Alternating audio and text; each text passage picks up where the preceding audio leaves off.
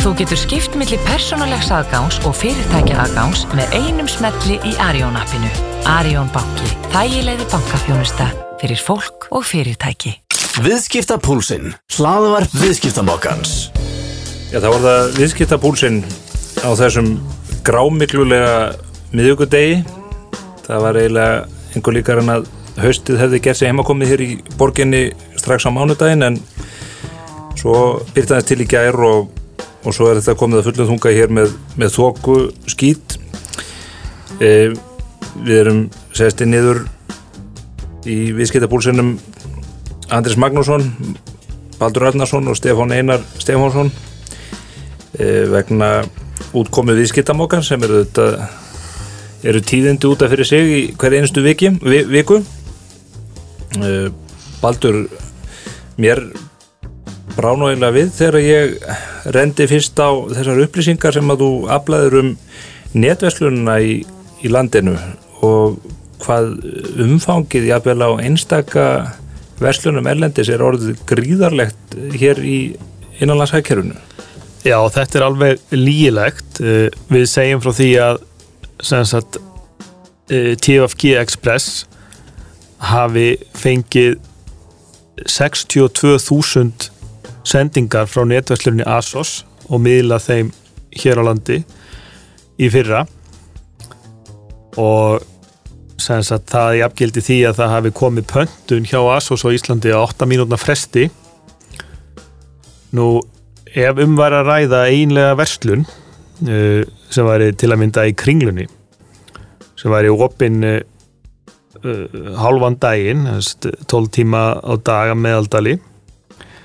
þá geti ímyndað ekkur hversu uh, mikil trafík væri á kössunum. Eða væri sama sala. Já. og allt þetta fólk að koma á jafnvel og máta og það geti verið starðarna veslu Jújú, það segir sér sjálft að þegar við erum að tala um svona marga pantanir sem að miða við tölurnar þegar árið var hálna núna e, voru 33.000 þá og það þráttur að það hefur afalust dreyið eitthvað úr vegna faraldusins en e, ég byrð þó svo að hérna aðeins þannig áfram það sem að vera ás og við getum nú sann sem hafa gert ráð fyrir að það aukist nú eitthvað trafíkin í óttopinu og öfur að þá eru við samt sem ára að tala um það að það er eins og 50 hver Íslandíkur hafi verstað í þessari einu verslun. Mm -hmm. Góða búntur Það er, ég veist að margur kaupmaðurinn er í glæðu með það. Já, og, og, og það má þetta líka gera ráð fyrir að, að svona trafíkin þarna um síðuna síðu þetta meiri, það er alveg eins og með e,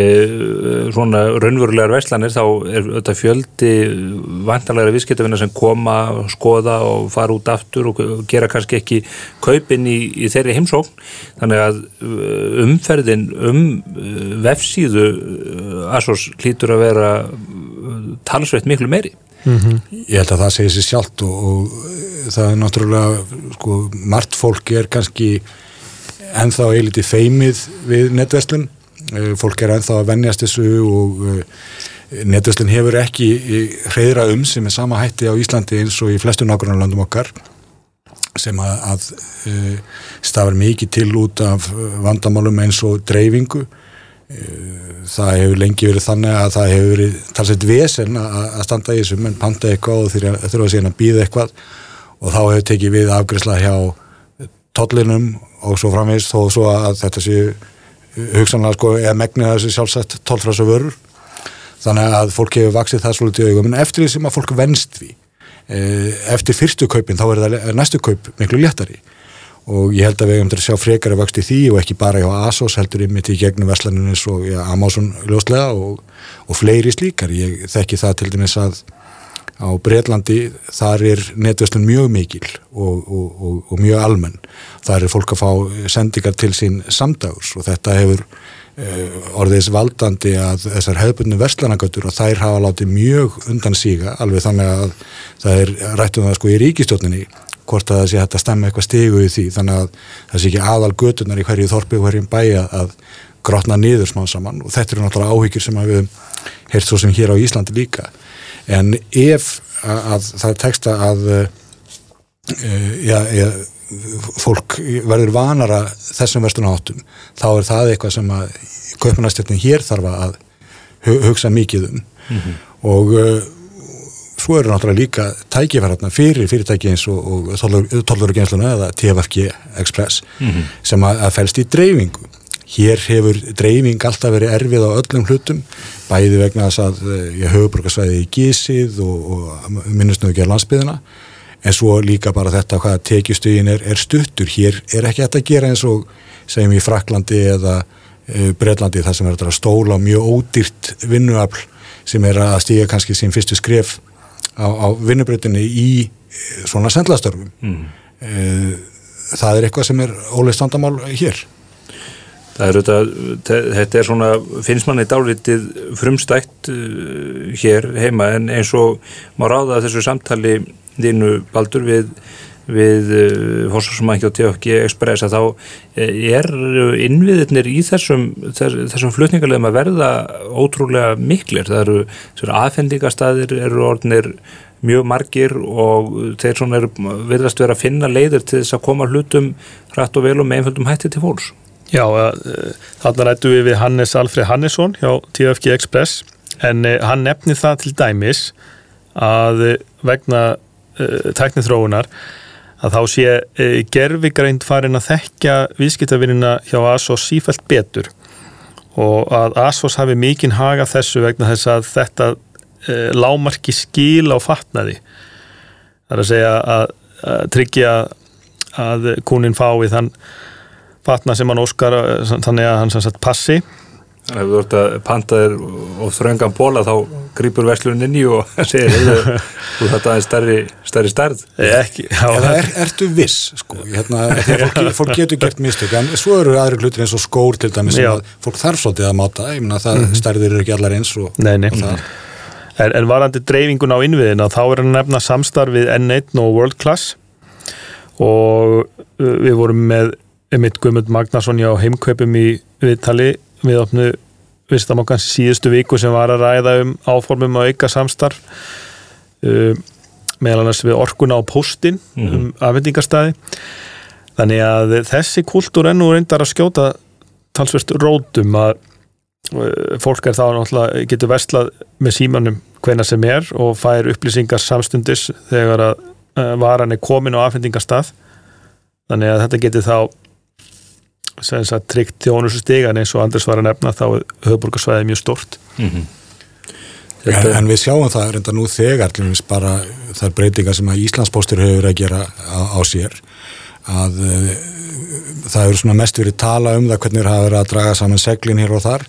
en þeir hafa líka beinleins verið að breyta dreifingu hjá sér og bæta að mörguleiti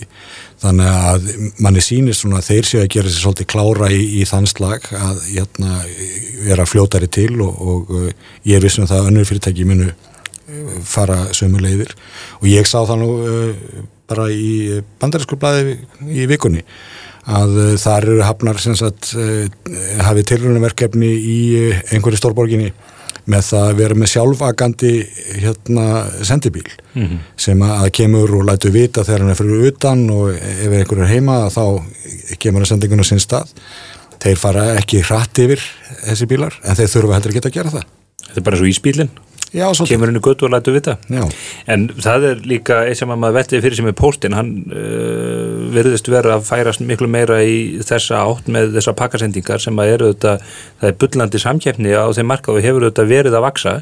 að uh, ef að þeim tekst vel til með þessar, þessa afhendingakassa og annað uh, verður ekki pósturinn bara klári í engavæðingu innan örfára missar verður þetta ekki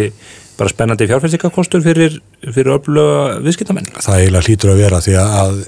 ég, ég man ekki hvað er langt síðan. Þessi ekki þrýra álatýr síðan að menn fóru fyrst að ræða mögulega engavæðingu símans og það er búið að ganga í gegnum alls konar stigi að undibúningi þess sem hefur lítið ekki en gemanni sínist að bæði sé fyrirtækið svona komast í eitthvað aðlera horf heldur en hefur verið lengi. Við erum náttúrulega líka að horfa upp á það út af rafrætni uh, skilaþjónustu á reikningum og öðru slíku að uh, þeir eru að missa það frá sér sem að hefur náttúrulega verið að bera uppi þessa starfsemi svo mikið Mhm. en er talsért ómag bæði fyrir þá og, og viðtængendur því að ég, ég veit að öllum kemur það náttúrulega algjörlega í opna skjöldu en fólk er ekki að senda sendibrif lengur og postkort eru voða mikið dottunni tísku. Jólakortin? Já, ég meina, jólakortin er en það já en hérna Þau, þau hafa, sendingarnir í því hafa dreigist alveg gríðarlega saman á síðust árum. Já, Þetta er ekki sami markaður og var. Nei, nei. Þannig að er uh, þetta verður spennandi að sjá. Ég held líka þegar fólk fyrir að fá sendingarna frá póstinum eða ekki Express eða öðrum þá átti fólk sér á því hversu uh, snar gali það er að, að eitt af fyrirtækjunum sem er að sprikla þessum markaði sé rekið með, með ábyrð ríkisins og á, á, ábyrð þess. Jú, en svo er nú fleira kannski sem að, að gáðar upp á, á ríkisfaldi í þessu. Að, að til dæmis eins og bara þetta með tollagrisluna sem að pósturinn hefur nú verið mikið með hjá sér að uh, þið þekki það ef maður uh, fer á Amazon og panta sér bók hérna fyrir eitthvað smánaverð að þá borgar maður uh, fyrir bókina, maður borgar fyrir sendinguna á henni og maður borgar fyrir sendinguna allavega heima á húsi sko, eða heima dyrum. Og uh, síðan hérna leggur bókina staði sem mikla leða okkur og hún stoppar hjá Íslandsposti þar sem að er verið að leggja á ráðinu það tollafgræðana þó að það eigi kannski einhver tollar að vera bætaði virðuska skatti og einhverju slík og ef menn eh, kunni ekki gera tollskísu sjálfur þá er búið upp á það þjónustu og, og það er ekstra og svo er heimsendingin og það er ekstra. Þráttur að það sé raun og veru búið að borga fyrir heimsendingu til sama að- aðila því að það er Íslandsposti sem er með samningina mm. þannig að þetta er eitthvað sem að, að uh, sko fjármálaráðunandi er raun og veru þarf að taka afstöðu til eigu að standa í þessari vitlu sem ekki lengur. Ég menna við þess hverju Evrópa er það þannig að ef uh, virði sendingarinnar er undir einhverju, ég held að þessi cirka 5.000 kall að þá segja þær ómækið er of mikið, við stöndum ekki í því. Við höfum nóga annað að gera við tollagrislu á hérna stærri sendingu sem að, ljóslega skipta eh, sko meira máli hér í pingjuna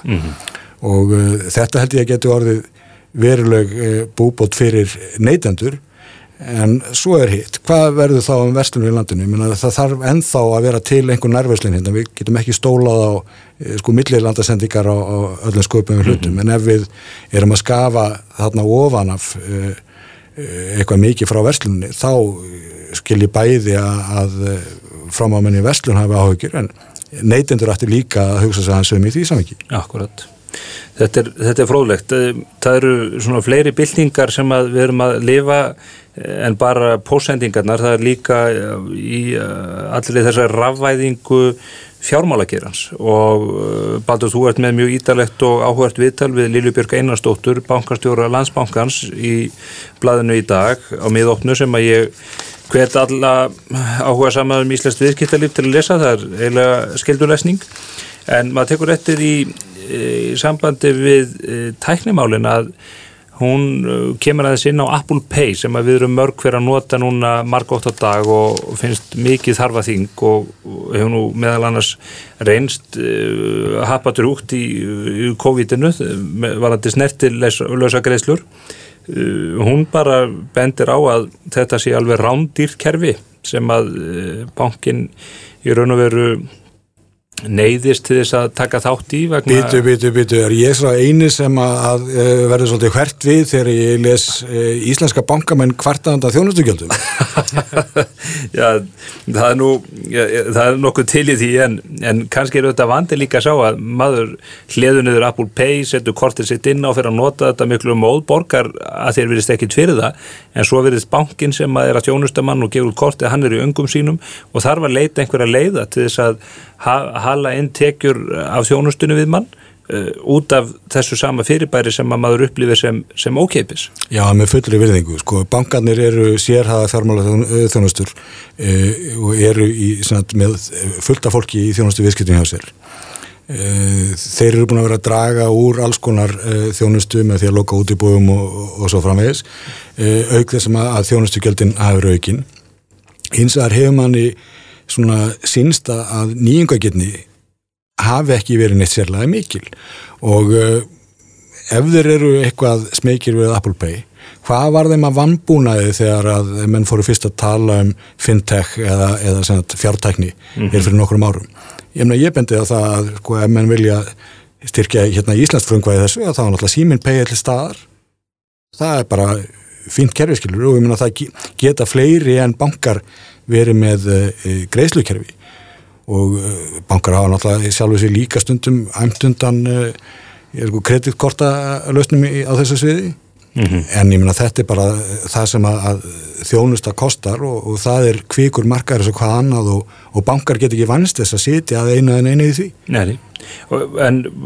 hafa menn eitthvað að yfir sín yfir það hvað þetta í raun og veru kostar? Baldur, hefur þú tilfinningu fyrir því hvað, hvað hver fæsla eða hvað, hver banki hérna heima þarf að punga miklu út til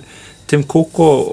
og félaga til þess að, að geta bóð upp á þetta? E, Satt að segja, e, þekki ég það ekki, hún fer nú ekki út í smáadri en, en annars vegar e, snýst viðtalið við Lilju Björgum það er breytingar sem eru að verða á bankaumhverfunu og hvernig bankin er að breyðast í því og, og þar með varðandi fjártæknina og hins vegar er hún að ræða viðbröð bankans við kórnuveru faraldrinum og, og, og ræður um stuðning bankans við fyrirtæki Hva, hvað varðar eh, fjármálatæknina þá segir hún að bankar á öð, öðrum norðurlöndum sé að styrkja innviði til að geta tekist betur á við þessa erlendu tæknarisa mm -hmm. sem eru að hasla sér völl á fjármálamarkaði og hún nefni það aðspurð að uh, samkeppni í útlánum komið til greina. Það er því askaplega áhugavert ef að Eh, erlend teknifyrirtæki fara að eh, bjóða útlán í meira mæli en veri hefur Já Ég, ég, veistu, ég held að þarna sé ótal spurningum ósvarað sko og ég varðandi þennan kostnað af Apple Pay, sko ekki gleyma því heldur sko að af því hlýst undansöfri sparnaðu sömulegðis að, að, að útgáfa eiginlegra plastkorta að hún dregst saman. Eh, sömulegis þá er eh, svindlfaktorinn nánast dottinn út í, eh, með þessum hætti sem hann hins vegar hefur verið viðlóðandi hefðbunni kort. Það eru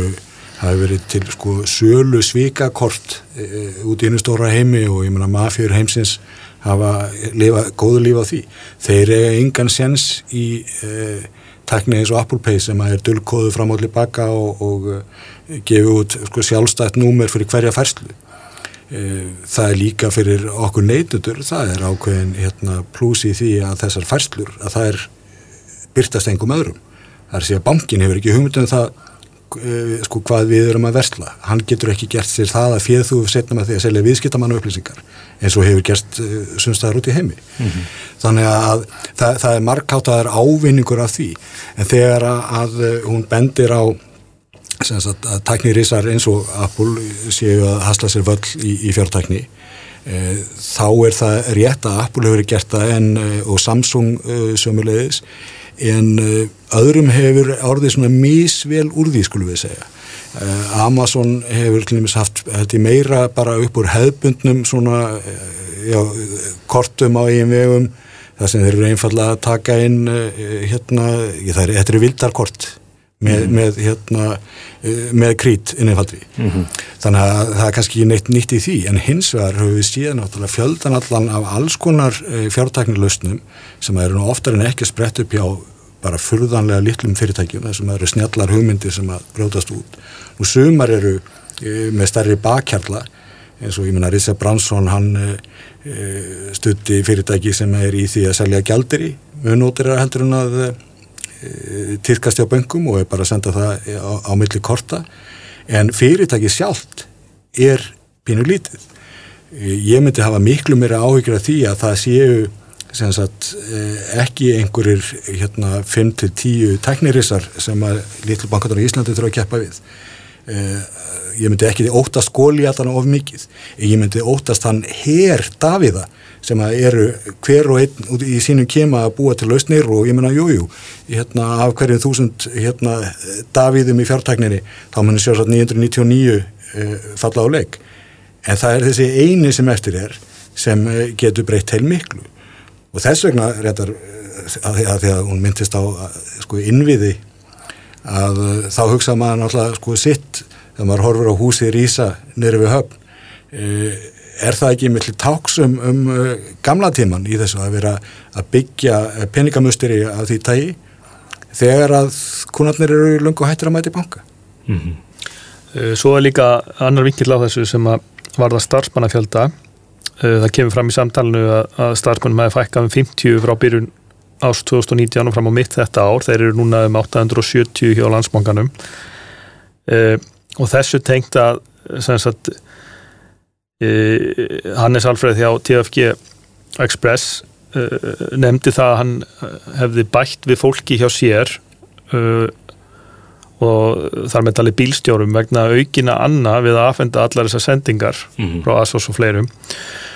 og uh, alnafni uh, Andresar Magnússon hjá Þotn hefur einmitt talað um tilfærslu starfa sem fylgi því að netverslunmunni færast í aukana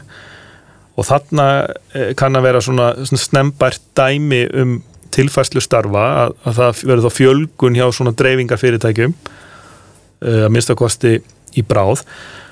Uh, og þessu tengdu þá sem sé uh, er starfsfólki í bankakerfunu að fækka mjög mikið. Friðbert Traustason hjá samtöngum starfsfólks fjármálafyrirtækja fór yfir þetta í vísktamákanum í síðustu viku. Þetta sé núna 2600 starfsmenn hjá þessum stóru þremu böngum og Lilja Björk er að tværa rauk fyrir því að styrkleiki landsbankans verði í að beita gerfigreind og greiningarhefni starfsfólks í að meta viðskiptavinin þannig að bankin geti selgt viðskiptavinum sérstniðna vöru Já. þannig að uh, svona stóra myndin er, er svo að það er að verða heilmikla breytingar og, og þá er einmitt spurning því Anders var að nefna þessa litlu aðla sem getur komið og verið kvikir hvernig uh, banka sem er með 870 starfsmenn mun, mun reynast að, að skapa tekjumótel til framtíðar þannig að bankin skilja hagnaði eins og bankastjórnir að bóða. Já, ég held að þetta sé mjög umhengsunarvert líka vegna þess að nú er ekkert langt síðan að menn voru mikið að tala um fjóruðu ylbildinguna sem var á, á leiðinni og þá vorum við meðal annars að horfa til einmitt eh, hluta eins og sendinga og annars lík sem að, að e, gæti reynst sko bara félagslega erfitt ef það eru allt innu horfum burtu störf sem vanalega ófarlegt fólk átti greiðagangin aðganga eins og bara fyrir bílstjóra en þarna sínist mér að það kunni að vera að gerast áður sem sagt að e, almenn skrifstofustörf e, að þeim fækki en líka hugsanlega séðararstörfum eins og einmitt e, lána árumislu við hérna sjáum þetta nú þegar skilur í bókfærslu endurskoðun ljóslega hlutar af lögfræði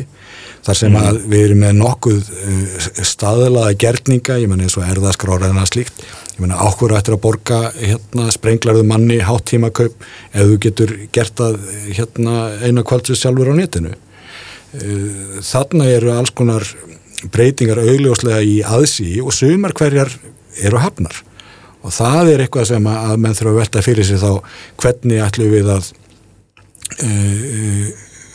ég reyna að koma það í kringa að þetta fólk finnir sér hérna önnur störfi hæfi e, að þjóðfélagið sko ná að, þróast og þróskast áfram að, þannátt. Ég held að það geti e, orðið svolítið snúið en ég held að sé ekki setna verna að byrja að hugsa strax og fyrst við erum hérna á þessum heimsfarallusins það sem að Við erum að horfa upp á það að það er stór atvinnugrein eins og ferðaþjónustan er í, í miklu vandraðum og hvernig allar mann er bregðast við því? Og, og, og þá er hann kannski komin inn í annað efni í blæðinu sem er hérna viðtalið við Ragnar Átnarsson sem að ymitt víkur að þessum þætti að sko eigum við að stiðja tiltegnar atvinnugreinar eða eigum við að, að hjálpa þeim í gegnum áföllin? Eigum að taka sérstaklega þátt í að endurræsa þegar að það að kemur? E, þetta eru sko allt fyrir það spurningar en við stöndum fram við þeirri hér og nú að stjórnmálamennir, þeir þurfa að velta því fyrir sér sko, kannski frekar heldur en sátt aðrunlífið en þá hvernig allavega auðvelda tilflutning starfa vegna að það blasir við að, að jafnvel þó svo að Íslands komi hratt og öruglega í, í, í gegnum eh, koronavirununa þá er ferðaðinarinn í heiminum hann mun haldra í lámark tvö ári viðbútt bara vegna þess að fólk verður búið að vera innibyrt lengi, það er óttastlið við mm. ókunna og framandi slóðir og, og allt þetta þannig að jafnveg þess að allt gangi eins og því sögu hér þá er ekkit vist að síldin komi aftur Nei og reynda bara uh, tölurnar sem við sjáum úr nýbyrtu nýbyrtri fjárfæstakynningu er sínur auðvitað að sérfæðingarnar á markanum gerir ráð fyrir mjög mjög hægum bata í fluginu þannig að þetta er ekki bara störfin á hótelunum og í, á ferðamannastöðunum bara uh, flugstjettinnar mun að horfa upp á mjög uh, erfiða stöðu með næstu 18-24 mánuði mm -hmm. það er talið að samkvæmt þessum áallunum að Ísland er sér að flytja miljón farþega í ár en þeir verða ekki nema 1,4 miljónir allt næsta ár líka Mm -hmm. þannig að miða við allt það rask sem að eru orðin og þegar þá eru að sjá fram á það að óhjákvæmilega verður einhver tilflutningur starfa nema að við ætlum að horfa upp á gríðalegt eh, atvinnuleysi hér á næstu misur. Já, eins og Óli Björn Kárásson var raunar að skrifa um þetta í, í morgublaðið, að hann myndist á sem að það væri alls konar kostnaði sem að fjalli á menn og ekki bara fjárhagslegur, hann var í félagslegu líka mm -hmm. og uh, menn ætti að leggja sko mikið á sig til þess að afstýra því að það verði slík útlát og slíkt eh, tjón mm -hmm. og þar held ég einmitt enn og aftur að það káfi svolítið upp á ríkið eða, eða allir höttur það er eina sem getur gert eitthvað í þessu það er að reyna að leta undir í mitt með tilflutningi á fólki milligreina og, og þar horfum maður náttúrulega sérstaklega til tryggingalsins mm -hmm. sem er náttúrulega bara sérstakur skattur á ráðningar mm -hmm. þannig að, að Þa, þar ætti menna að sko hugsa sig hratt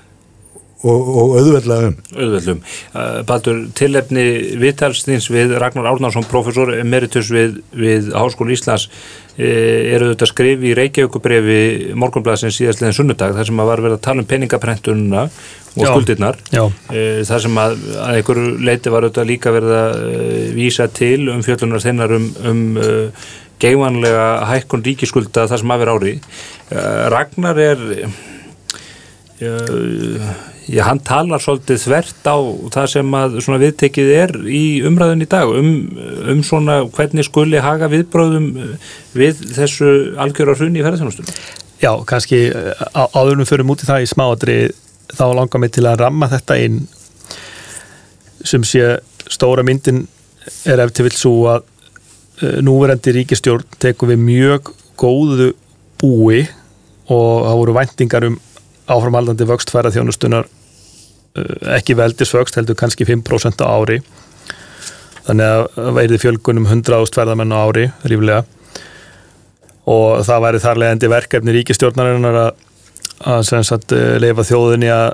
njóta þessara ávaksta en, en um leið tryggja að ekki er þið ekki gengið á, á sjóðin svo er það að gerast núna að eh, frá lokum januar og út í júli þá aukast heildarskuldir ríkisjóðsum 254.000 miljónir og reyna skuldir um 127.000 miljónir ég segi 1000 miljónir því að 127 eh, miljónar hljóma kannski ekki, ekki svo mikið en þetta er feiktnalega tölur. Uh, þessa tölur má svo nefn í samingi við það að það er áallega eh, um 25.000 manns. Ja, Býta þess, býta þess sko, við skulum ekki bara taka heldina heldur, það var önnur upp að sem hún endir í, í, í, í greininni sem var það að þetta væri 344 krónur á hvert einasta mannspann Akkurat. sem því það er fyrir vennulega fjölskyldu hérna þá, þá er þetta 1,4 miljónir Já, já, já, já. Ha, ég, ég á sex börn sko, þetta er ekkert grín sko, hérna, ég endaði bara í 3 miljónur Já, já En sagt, e, það var áallega þegar faralduninn byrjaði að væri um 25.000 manns í færið þjónustu og álíka margir í verslun, það er einhver leiti skörun þannig að þess að tölur ekki hárun ákvæmar þannig að maður kannski segja að 50.000 mann starfi í þessum tveimur greinum á Íslandi eða fjóruðungur vinnuabsins hér um bil.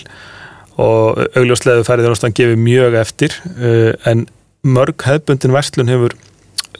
styrst um, um rætt netverslununa, svo mætti nefna byggingaverslununa og svo framvegis, þannig að einhver tilfærsla er orðin. En það er alveg ljóst að ef við höfum svona fjölda atvinnuleysi í langan tíma, jafnvel vel fram á næsta ár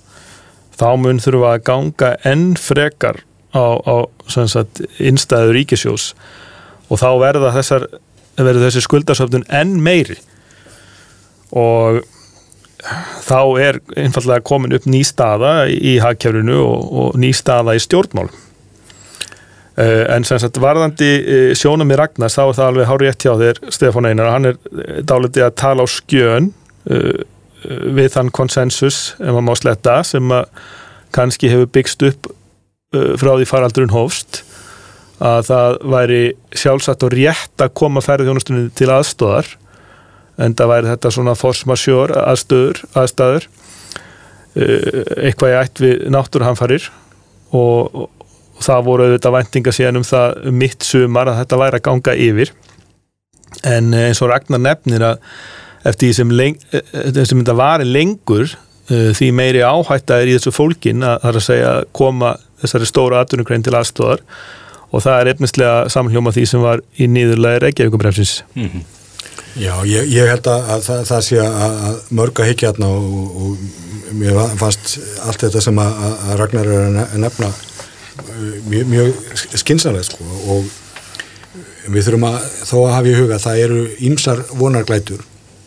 eins og til dæmis það að stór hluti ferðarþjónustunar eru lítil fyrirtæki oft fjölskyldu fyrirtæki eða einirkjar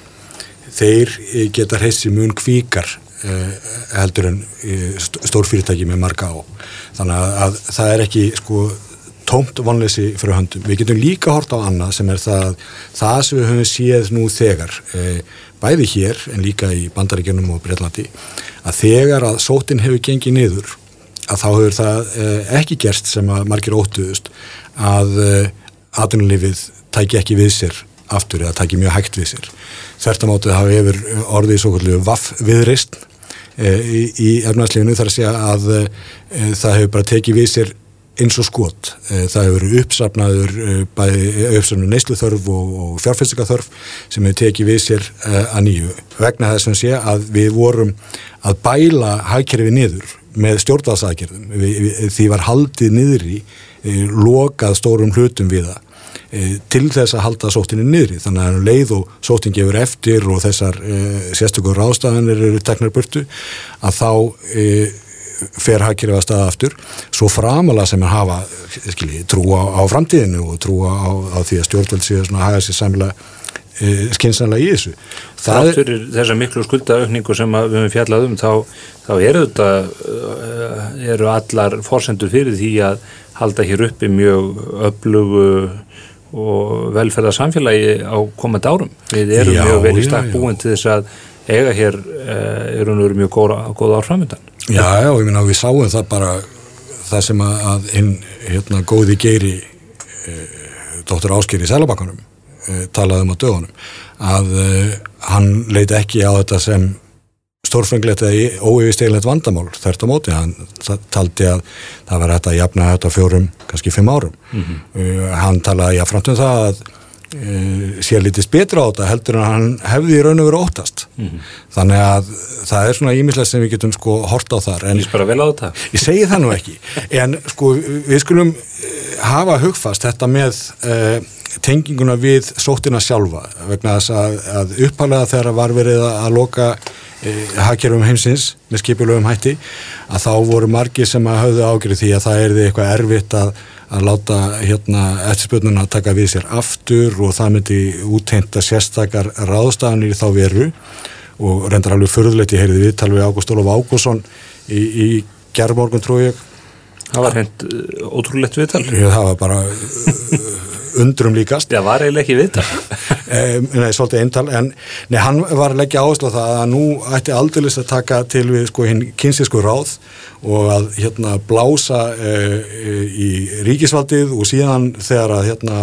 þetta er að gar gengi að þá þurft að blása síðan lífi í hérna engageran og allt þetta. Ég hef skulle við segja mjög ákveðnar evasendur um að, að þetta sé rétt aðtugað og uh, raun og veru þetta með að blása sko lífi enga gera sem að manni heyrðist nú að hann vildi helst bara byrja að gera nú þegar. Sko höfum það á hreinu við viljum ekki fá atomlífið á fullt gas núna. Við, við viljum um eitt los okkur við óverna áðurna að það gerist. Myna, til þess en leikurinn gerur þannig að sko höfum það alveg á hreinu. En uh, enn sem komir bendir ekki til annars en að bæði þjóðin og hækerfið muni alveg, þessu einfarum að taka við sér þegar að, að, að kostur gerst en þá þurfum við að gera sko greina minn á þessu tvennu þar sé að annars vegar neyðar ástafanir sem ég greipiði til til þess að verja eignir og hagsmunir meðan að þetta liggur allt í dvala. Þannig að það fari ekki allt sko í forgörðum til einskis og óþörfu. Og síðan sko eitthvað endurreysnastarf og þá skulum við sko hafa hugfast að við þurfum mjög sennilega ekki að beita nefnum sérstökum endurreysnar hérna úrraðum uh, á allt hakkerfið heldur einugis valda hlutaðis og þar mun vantilega skipta mestu að uh, lesu læðingi enga framtækið með því að láta ríkisvaldið raun þvægla sem minnst fyrir fyrir ekkar heldur en að það fari að vera með puttana í öllu og engu. Já, svo sannlega, ég meina það á sko hérna það, það gegnir sko mikilvæg hlutverki núna bæði við að e, reyna að bæla pláana sömulegis við það að sjá til þess að hér brótist ekki út sko skjálfurinn földa atvinnuleysi sem að geti orðið óviðránlegt eða að, að, að sjá til þess að sko það fari ekki annarkvært fyrirtæki á hausin Eh, hérna á nokkrum vikum. En eh, að því loknu þá eh, sko á ríkisöður að hætta að hefða sér eins og hérna tryggingafélag til þrjóðavara mm. og, og sko eftirláta aðtunulífunu rest Hvernig tilfinningu hafið þið fyrir þessu með aðgerðina hjá stjórnvöldum? Nú er enn að koma upp þessi innanlandsmitt, reyndar örf á, á, á degi hverjum, menn vita vonandi sífilt meira um það hvernig þetta er að dreifast eru líkur til þess að það verði svona aukna tilslaganir í innanlandsmenginu á komandi vikum? Það held ég blasi við, ég menna er strax þetta tvær vikur frá með deginum í dag að telja þá geta minn séð nokkuð vel hvað hefur gerst og, og hvað þurfti úr að bæta en jáfnframt e, hvað kann að vera hægt að slaka á. E, ég hugsa að það gerist ekki sjálfkrafa uh, varandi uh, leiði til og frá landinu. Mm. uh, það mun líka velta tölvört að því hvað er að gera stílandunum í kringum okkur, ljóslega. En uh, ég held að ríkistjónin sé mjög vakandi fyrir því og meðvituðum það, ég menna því heyrið að það eru einstaklega þingmenn í stjórnarliðinu sem að eru að halda því lífandi en við líka séð hjá ráþurum að þeir e, tala um það að við þurfum að gera allt sem okkar valdi stendur til þess að halda ja, samfélaginu gangandi svona eins eðlilega og hægt er á, á óðurlunum tímum. Akkurat. Við munum halda áfram að fylgja þessum hlutum eftir hér uh, auðvitað á mbl.is í dag og svo í morgunblöðan á morgun þá verðum við með framhansvinkla á uh, svona í hlutun Ríkisjós og nánari greiningu á stöðu Æslandir og þeim áhællunum sem að þeir hafa lagt núna fyrir fjárfæstan til þess að meta. En við segjum þessu slitið að þessu sinni og, og verðum hér að minnstakonsti að viku liðni Sjá þá. Viðskipta púlsinn Hlaðvarp viðskiptamokkans